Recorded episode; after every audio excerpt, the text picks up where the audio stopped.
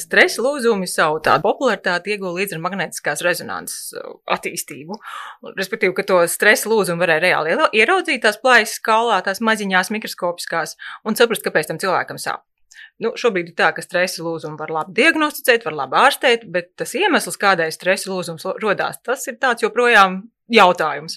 Pirms kāda laika mums bija podkāsts, kur mēs skatījāmies no traumatoloģijas ortopēdijas perspektīvas uz to, kādēļ radās stresa lūzums. Tur tā ļoti klasiski bija tā pieeja, ka stresa lūzums ir sekas pārslodzē. Respektīvi, kad muskulis ļoti ilgstoši tiek nodarbināts un, un tā slodze nemazinās, varbūt vēl pieaug, tad viņš nespēja turēt to slodzi un kauls ieplēsā un radās šie stresa lūzumi.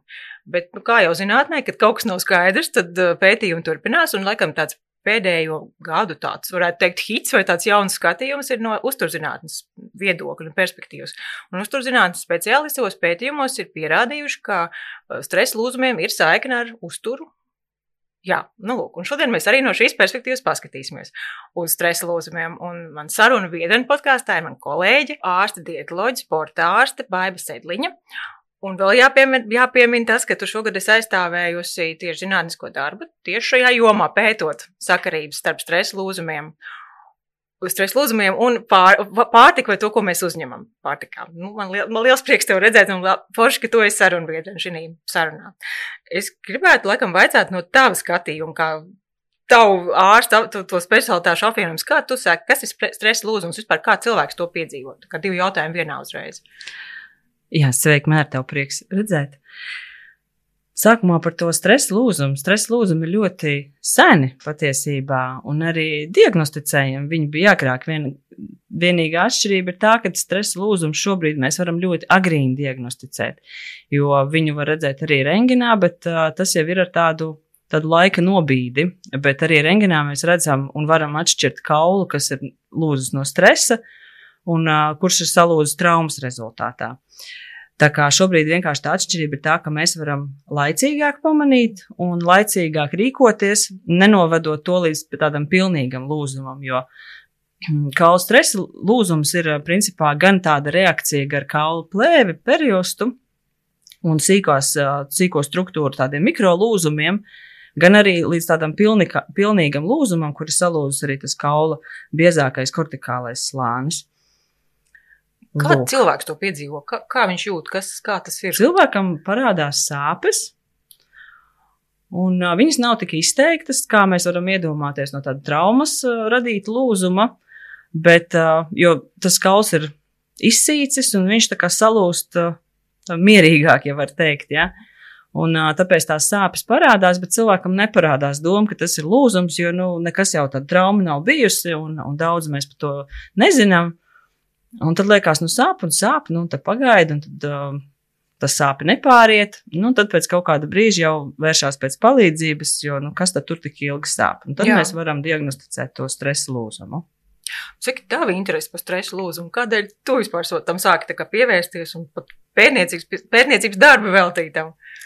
Mana interese par stresa lūzumu ir uh, tāda. Uh, loģiskas sekas manu abu specialitāšu kopumam. Es esmu sportārsts, kur stresa lūzumi arī tika aprakstīti ļoti sen, kā atlētu triādi pa vecam saucās, un tagad tas ir REDS sindroms, jeb relatīvās enerģijas deficīta sindroms sportā. Un uh, otra man specialitāte ir dietoloģija, tā kā tas ir relatīvs enerģijas deficīts, tas nozīmē to, ka mēs neuzņemam pietiekam daudz enerģijas ar pārtiku, pietiekam daudz kalorijas, varētu teikt tā. Uh, Un līdz šim tas bija raksturīgs estētiskiem sporta veidiem, tādiem kā balets, mākslas vingrošana, daļslidošana, arī mazliet sporta veidiem, kur ir svara kategorijas, cīņu sporta veidi, boks, kur viņi arī periodiski ierobežo to uzturu. Un, un tur biežāk bija sastopami tie stresa lūzumi. Ja vēl senāk mēs skatāmies, tad vispār pirmie, kas tika aprakstīti, bija armijas cilvēkiem. Uh, no maršēšanas, kad bija konstanti, bija gari pārgājieni. Un tajā marša solī, kas ir viens, vienveidīga tāda kustība ar smagiem, nērtiem zābakiem, un tad lūza pēdas kauli.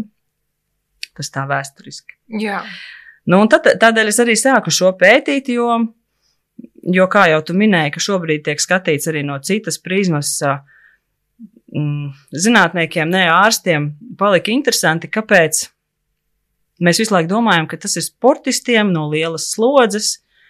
Un ka tas ir tas mehānisms galvenais. Bet uh, tad mēs sākam redzēt ar vien vairāk uh, veselus cilvēkus, jaunus, kas nesporto. Un uh, viņiem radās šie stresa lūzumi. Loģiski parādījās jautājums, no kurienes un kāpēc. Ja, ja tā lielā slodze nav, tad kāpēc viņš lūst? Un uh, nonāca pie secinājuma, ka tas ir uzturs, kas tiek vai nu ierobežots. Uh, Tā kā, teiksim, to balerīnu gadījumā, kad viņas vienkārši apzināti ierobežo un, un nē, tādas diētas, vai arī tāds neapzināts, ka viņš ir vienkārši nepilnvērtīgs un uh, mēs uzņemam kaut ko, uzņem, kaut ko ko par neuzņem. daudz, Jā. kaut ko par maz. Nu, un varbūt mēs visi zinām, ka pirms kal kauliem ir vajadzīgs kalcijs, un uh, varbūt mēs to kalciju uzņemam pietiekami, bet tāpat laikā mēs uzņemam pa daudz fosforu, kas to kalciju tā vienkārši sakot izskalo ārā. Fosfors, piemēram, ir kādos, kur viņš ir atrodams, kādos pārtiks produktos. Gaļa, piena produkti, zivis, tas ir būtu tādi tie normālie uh, produkti, bet uh, viņi ir pievienotais uh, fosfors. Ļoti daudz ir tādos uh, rūpnieciski apstrādātos produktos, nu, piemēram, cīsiņi, kas būtu tāds uh, Visiem Āt- saprotams un ātrā, un ātrās ēdināšanas uh, iestādēs arī, nu, pusfabrikāti, visi, kas ir tādi pussagatavoti rūpnieciski produkti, tur viņš tiek pievienots klāt, un tad patiešām, ja mēs tā analizējam to uzturu, tad, tad viņš spēja pārsniegt pat 200% un vairāk dienas devas, vienkārši savācoties no šādiem produktiem. Un tam ir sekas, ja. Tad, Un tam ir tās sekas, jā, Jā. kad viņš padala, padara to kaulu tā kā trauslu, un var rasties tas lūzums pie pat ikdienišķas slodzes. Tie kauli vienkārši ir netik izturīgi, jo stresa lūzums tātad var, var uh, rasties divu iemeslu gadījumā. Ja ir normāls kauls, bet ļoti liela slodze viņam ir uzlikta, vai arī ir absolūti tāda ikdienišķa slodze, bet uh, ar nepietiekamu kaulu veselību. Čeki tagad par tavu pētījumu. Ko tu pētīji un jā, tu tur, kā, kā tas notika, tas pētījums? Tas pētījums ir rezidentūras gala darba pētījums. Nav nekas uh, super apjomīgs, bet, bet viņš sakrīt ar pārējiem literatūras datiem un pētījumiem lielajiem, kas ir taisīti. Tā kā var, var ņemt vērā tos rezultātus.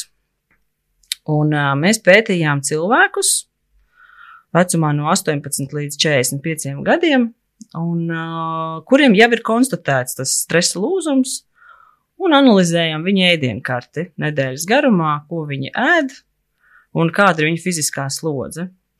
Un arī man pētījuma rezultātos sanāca, ka uh, lielākai daļai to uh, pētāmo objektu slodze nebija paaugstināta. Tad tie nebūtu nebija sportisti. Šī Nebūt, bija nē, tas- jā. bija arī sportisti, jā, jā bet, uh, bet procentuāli lielākā daļa nebija sportisti, ar, un slodze nebija palielināta viņiem, bet savukārt tas, tas lūzums viņiem tik un tā bija. Bet, jā, un arī diētā atklājās tas paaugstinātais fosfora daudzums, arī samazināts kalcija uzņemšana un uh, D vitamīns, kas, protams, mums visiem trūkst, un kurš ir jālieto papildus. Teiksim, par to pašu, pašu fosforu runājot, ja viņa uzņemšana turpinās tādā pašā apjomā, vai to var kaut kā kompensēt neutralizēt, vai tomēr nē, tas vienīgā, vienīgā iespēja ir no viņa atteikties no visiem šiem pusfabrikātiem. Nu, vienīgā iespēja, laikam, pareizā ir uh, optimizēt to uzturu plānu un ēst veselīgāk. Tad, tad tu saki, stresa lūzumiem ir diezgan tieši sakars ar, Jā, ar pārtiku un to, to, ko mēs uzņemam. Es arī mazliet gatavojoties mūsu sarunai, izlasīju tādu nu, apgalvojumu, ka 75% tās kaula vispār nu, izturības nosaka gēni vai ģenētika. Un savukārt tikai 25% ir tie ārējie faktori. Nu, kas nozīmē, ka arī pārtika ir ka- tikai kaut, kāds, nu, kaut kāda procentu daļa starp tiem 25%. Tad liekas, tiešām tik liela nozīme ir pārtikai. Ja? 25% ir Ir liela daudz, daļa. jā. jā. Jā, tā ir liela daļa, bet, nu, protams, ka tas ir multifaktoriāls, nu, neapšaubāmi, jo, nu, gan jau, kad arī tas cilvēks, kas ēd tikai cīsiņus, pie, pieņemsim, jā, un kas ir ļoti pārsniedz savu fosforu devu un uh, guļ gultā, nu, viņam arī nesalūzīs tie kalni. Kaut kādai jau tai, tai slodzē ir jābūt, jā, bet, bet viņi nav tādi, kā mēs varam iedomāties, kad uh, cilvēks, piemēram, gatavojās maratonam un katru dienu noskrien 10 km, tad mēs saprotam, ka tā ir liela slodze, jā. Tā kā tas nav tikai uzturs. Tā ir arī slodze, un tā ir arī ģenētika, un tas ir ap, arī ieradumi un apkārtējā vide, un varbūt cilvēks mm, viens varbūt, teiksim, pastaigājās pa asfaltu, cits pastaigājās pa mežu, un tur ir seguma atšķirības un, un apavu atšķirības. Tā kā tur ir ļoti, ļoti daudz tie faktori, kas varētu būt. Es dzirdēju, lasīt, tas bija tikai viens no pētījumiem, bet tas secinājums bija tas, ka tiem, kur skrien un kur daudz staigā, tie kauli ir izturīgāki. Es, protams, nezinu, vai to var kaut kā, kā varbūt tā tikai viena šķautne, bet vai tu arī vari kaut kādā ziņā piekrist šim apgalvojumam? Noteikti, jā, tāpēc, kad mums liekas, ka tas kauls ir tāds, nu, ir un ir. Jā. Un vispārējie orgāni strādā. Bet uh, kauls ir viss metaboliski visaktīvākais orgāns mūsējais. Viņš nepārtraukti aug, viņš nepārtraukti atjaunojās, un viņš pielāgojās mūsu situācijai, ko mēs darām. Un, teiksim, ja agrāk, tad, tad kad mēs nevarējām izoperēt un lūzumus un salikt tos kaulus tā smuka taisni vietā, ja, ka viņi kā salūza ar, teiksim, nobīdi, tad arī ieģipsēja un, un palika, ja, tad ar laiku viņš tā kā izlīdzina to savu asi. Un viņš tā kā mēģina tomēr to, to dabūt, lai tā slodze būtu mazāka. Tā kā viņš ļoti pielāgojās. Un tāpat tās arī sportistiem kauli ir biezāki, stingrāki. Īpaši tiem, kur ir trieciens, nu, teiksim, tie skrējēji, sporta vingrotāji. Arī bokseriem galskaus kauli ir biezāki, viņi blīvāki paliek. Tā kā noteikti, ka tiem sportiem, tur, kur ir slodze, tur, tur kur ir slodze, viņš pielāgojās, jā, viņš saprot, ka viņa tā slodze ir, viņam jāiztur lielāka slodze, un viņš jau tā protektīvi jau sev sabiezina, un, un viņš ir gatavs tai slodzē. Tāpēc arī tā ir atšķirība no tāds cilvēka, kas ir sportists, teiksim tā, no pusauģa vecuma, no bērnības, profesionāls, kā mēs viņu saucam, jā, no tāda, kas ir um, sēdējis oficiālā piecēlies un izdomājis, ka viņš skries maratonu. Protams, ka viņam ir tā lielāka iespēja tikt pie šāda veida traumas. Saki, tas, ko es lasīju, tas, ka biežāk tas skar kājas, varbūt tikšu sākot no ceļa lodzītavas uz leju, pēdas, kaulus tas arī saskana ar, uzturzinātnes skatījumu uz to, jo es saprotu, ka, teiksim, no uzturzinātnes skatījuma dažādas kaulu struktūras var būt uh, vājas, jo tas, laikam, tiešām, tiešām saistīts varbūt ar, ir tādu traumatoloģijas ortopēdijas skatījumu. Ko tu saki? Kur, kur ir pārāk pakļauti? Kur ja mēs daļas, skatāmies to uzturu, tad. Um, Tam uzturam ir pakļauti pilnīgi visi mūsu kauli. Un, uh, ja man ir slikta kaula veselība, respektīvi, viņi būtu tādi trauslāki, tad viņi ir tādi visā manā ķermenī. Ja? Arī riba un, uh, un, un, un arī kāja. Tā kā, nu, teiksim, baletdejotājām, kuras ierobežo to savu uzturu un kurām ir šis risks un ir varbūt uh, trauslāki kauli, viņām, teiksim, pie, pie pacēlienu, nu, kad partneris ceļ augšā, var salauzt ribu. Tas ir diezgan tāda Klasika var teikt. Jā. Nu, nu, varbūt nezinu, vai klasika, bet nu, tas ir, ir, ir redzēts. Ja? Kur citādi, protams, mēs neviens to ribu nesalaustu, jo mums neviens vienkārši necilātā. Ja?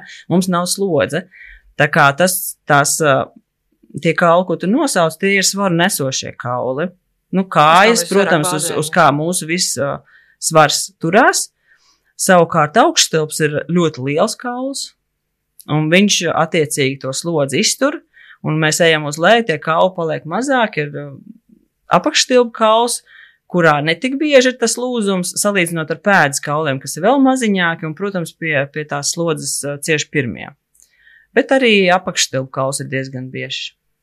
Tiksim, arī rokās, tu to pieminēji rības, bet arī kaut kādas roku kaula, arī tie var kādreiz no kaut kādas, nu, ir pieredzēts, ka tas ir stresa Viņiem lūzums. nebūs stresa lūzums. Viņš Jā. varētu, teiksim, pie mazākas enerģijas traumas viņš varētu salūst, teiksim, pie kaut kādas, nezinu, kritienas, piemēram, uz rokas, un tad tādu trauslāks kausu salūzīs, blīvāks nesalūzīs, bet uh, tie nebūs stresa lūzumi. Tincent, tu pieminēji to balerīnu, viņai visticamāk, nu, tās, tā slodze, tā fiziskā slodze ir, nu, tur tā divi tie mehānismi. Viens ir tas, ka tie trauslie kauli, bet no otras puses tie kauli tiek stiprināti ar, nu, ļoti pamatīgu slodzi. Bet, bet tur tas balans, tur nevar tādu balansu dabūt. Kad... Nu, balerīnas ļoti īpašas. Vai ne? Jā. Viņas, viņas patiešām ir īpašas, viņas ir ļoti skaistas, viņas ir ļoti trauslas un spēcīgas vienlaicīgi. Bet um, par tiem, par šo piemēru, ko tu saki, tā, tā slodze, kas stiprina kaulu, tas ir tāds kā blakus efekts, varētu teikt. Bet, ja mēs viņam nedodam ēst tam kaulam, nu, tad viņam nav nekādas iespējas stiprināties. No viņam resursa. nav nekādas iespējas, jā, viņam nav tā resursa, no kā viņš varētu padarīt viņu blīvāku, jo viņš jau pats jau knapi cīnās ar to, ar to kas viņam būtu vajadzīgs, lai dabūtu. Es, es arī lasīju, lasīju, ka tas ir gan sievietes sportā, kas ļoti cenšas ievērot diētas un ļoti turēt zemu svaru, gan arī vīrieši, piemēram, kas ir jāšana, skriešana, velobraukšana, ka tie arī ļoti bieži tur šo svaru nu, zemāku nekā vajadzētu, nu, kas laikam ir objektīvi labi šam sportam.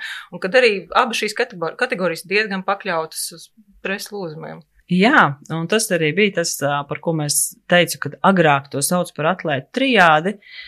Kāpēc agrāk? Tāpēc, ka agrāk domāja tikai par sievietēm, jo tur bija atlētu trijādē bija tātad nepietiekams uzturs, jeb diēta, kaula stresa lūzums, un trešais bija menstruācija traucējumi vai viņa izzušana.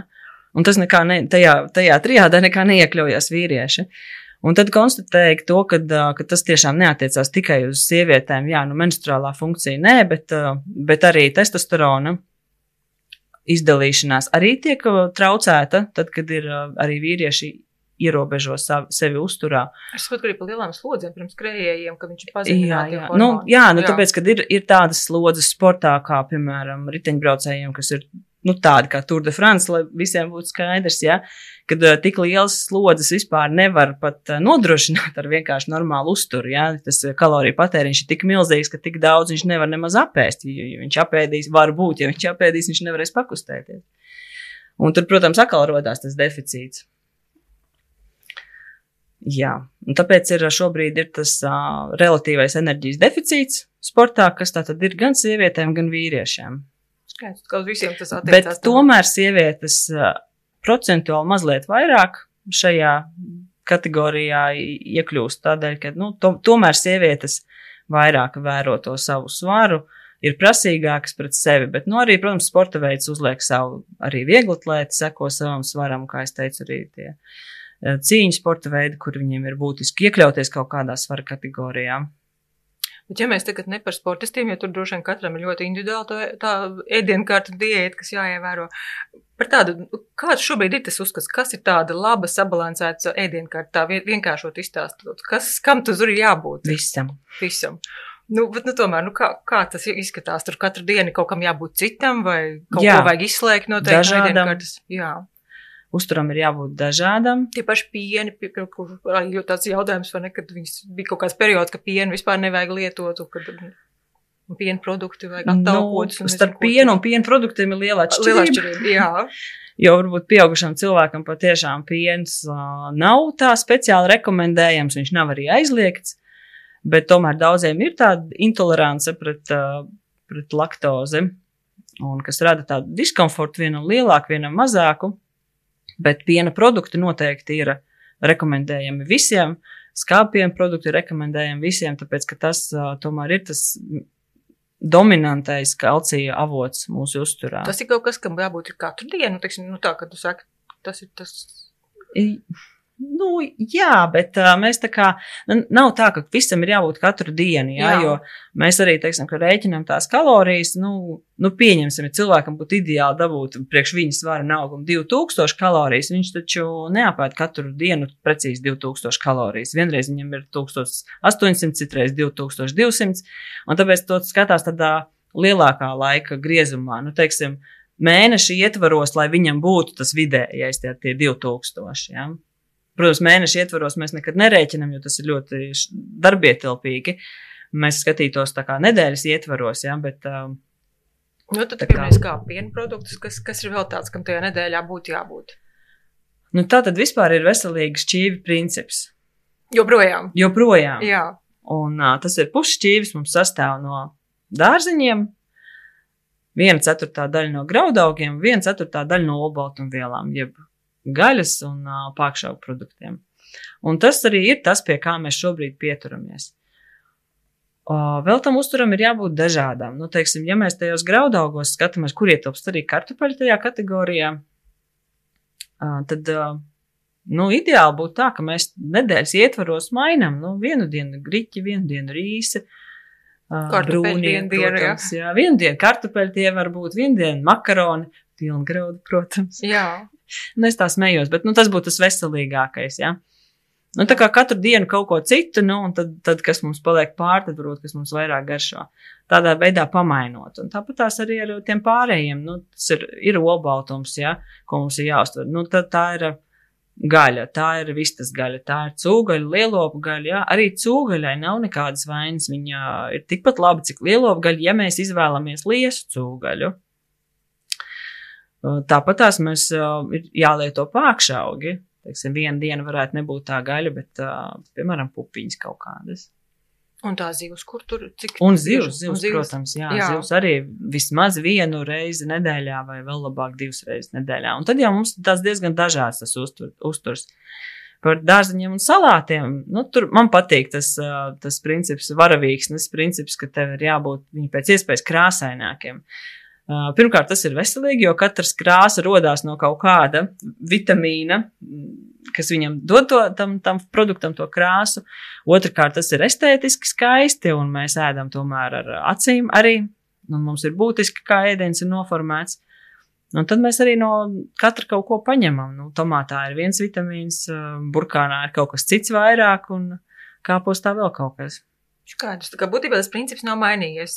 Jā, jā tas princips dažādi. nav mainījies. Protams, ir daudz dažādas diētas, kas, nezinu, keto diētas un, un vēl visādas diētas, kur iz, izslēdz ārā veselas pārtikas grupas, kas varbūt kaut kādā brīdī nostrādā, nu, ja ir mēģis samazināt to svaru, bet tas īsti labi nestrādā ilgtermiņā. Uh, Jo tikko mēs izslēdzam tādas veselas pārtiks grupas ārā, tā mums kaut kur rodās deficīts, ko ir grūtāk nokompensēt. Kas ir uh, skrupulozāk, teiksim, tā diēta ir jāsastāda. Protams, to visu var izdarīt, bet, uh, bet tad ir tajā visā jāiedziļinās pašam vai jānāk pie speciālista. Jo, nu, kā, kā es saku, ja pusauģi kaut kāda iemesla dēļ izdomā, ka es no rītdienas būšu vegāns, tad maz ticams, ka viņš sev nodrošinās tādu pilnvērtīgu uzturu. Jo tur būs stingri vien jāpastrādā un jāpaskatās un jāparēķina, kas jāēd, cik daudz jāēd un, un kā. Un te tā saka, sakā varētu, vismaz viena no tām sakām Jā. varētu būt tie, tie trauslākie kauli.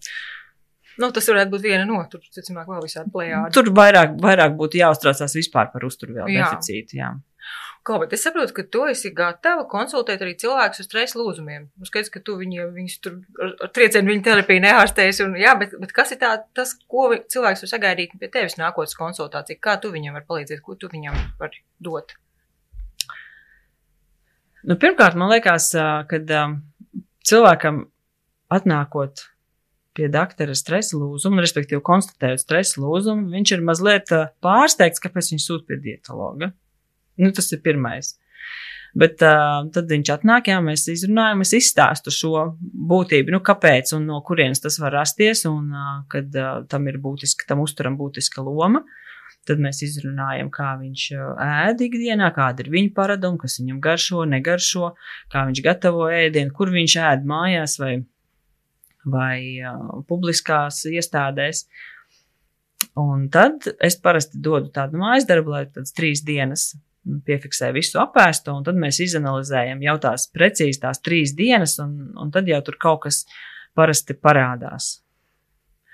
Kaut kas, ko varētu uzlabot, jo mēs cilvēki ļoti labi atceramies tās pamatēdienreizes, ko mēs ēdam, Bet tas, ko mēs pa vidu tur paķeram, oficiālā tur uz galda bija cepumiņi, mājās skrienotā bija statuēlā, nezinu, šokolādīti, piemēram, ja, kamēr es gatavoju vakariņas, tikmēr bija plauktā stāvēja tur rīkstiņi vēl mazliet, ja, un, un tās ir tās nianses, kas, kas savācās mums. Nu, tas ir tādā kopējā kaloriju ziņā, gan ne, ne vairāk par tiem stresa lūzumiem. Stresa lūzumiem tad mēs skatāmies, uh, kas mums ir tieši ar to kalciju, fosforu un uh, magnīju un, un D vitamīns, kas ir papildus.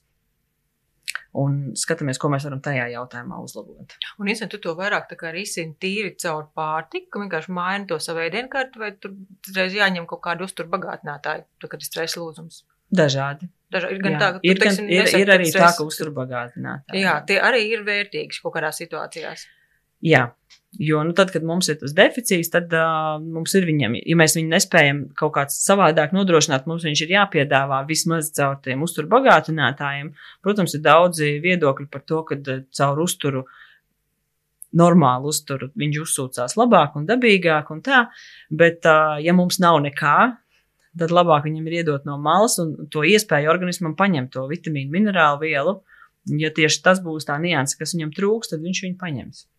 Un tas nozīmē, ka nu, konsultēties ar tevi, mainot tās lietas, tu kā pasargā sevi no tādas potenciālas turpmākas, teiksim, šādas trešu lūzuma atkārtošanās. Nu, jā, tā perspektīvā, tā tā doma. Nu, tāda ir tā doma, jā, jo ļoti bieži arī viņi ir atkārtoti, vai viņi ir nu, tie paši tādi nesadziedēti, viņam ir kaut kāds uzlabojums, un, un tad viņš tā kā atkārtojās. Un, ja tā nav bijusi tāda tiešām superliela slodze, es saku, nu, tāds maratons visiem saprotamākais, ja, kur mēs tiešām esam kaut kādā īsā periodā uzlikuši neadekvāti lielu slodzi priekš tā organismu, tad, ok, skaidrs, mēs noņemam slodzi un, un viss tā kā nostājās savās vietās. Bet, ja tas ir tāds bez iemesla, it kā, nu, tad, tad vislielākā kārts tiek likt uz uzturu. Hmm, tas ir būt, būt, diezgan būtisks. Tā tiešām tas apmeklējums pie tevis ir, ir būtisks tādā kontekstā. Ko, liels paldies tev par sarunu. Es domāju, ka mūsu uzturu jautājumu tā vispār tāda vesela tēma, dažādas tēmas, kuras būtu interesanti kādreiz runāt. Tā kā mēs noteikti ar tevi tiksimies. Paldies tev liels. Cerams. Paldies. Paldies. Jau.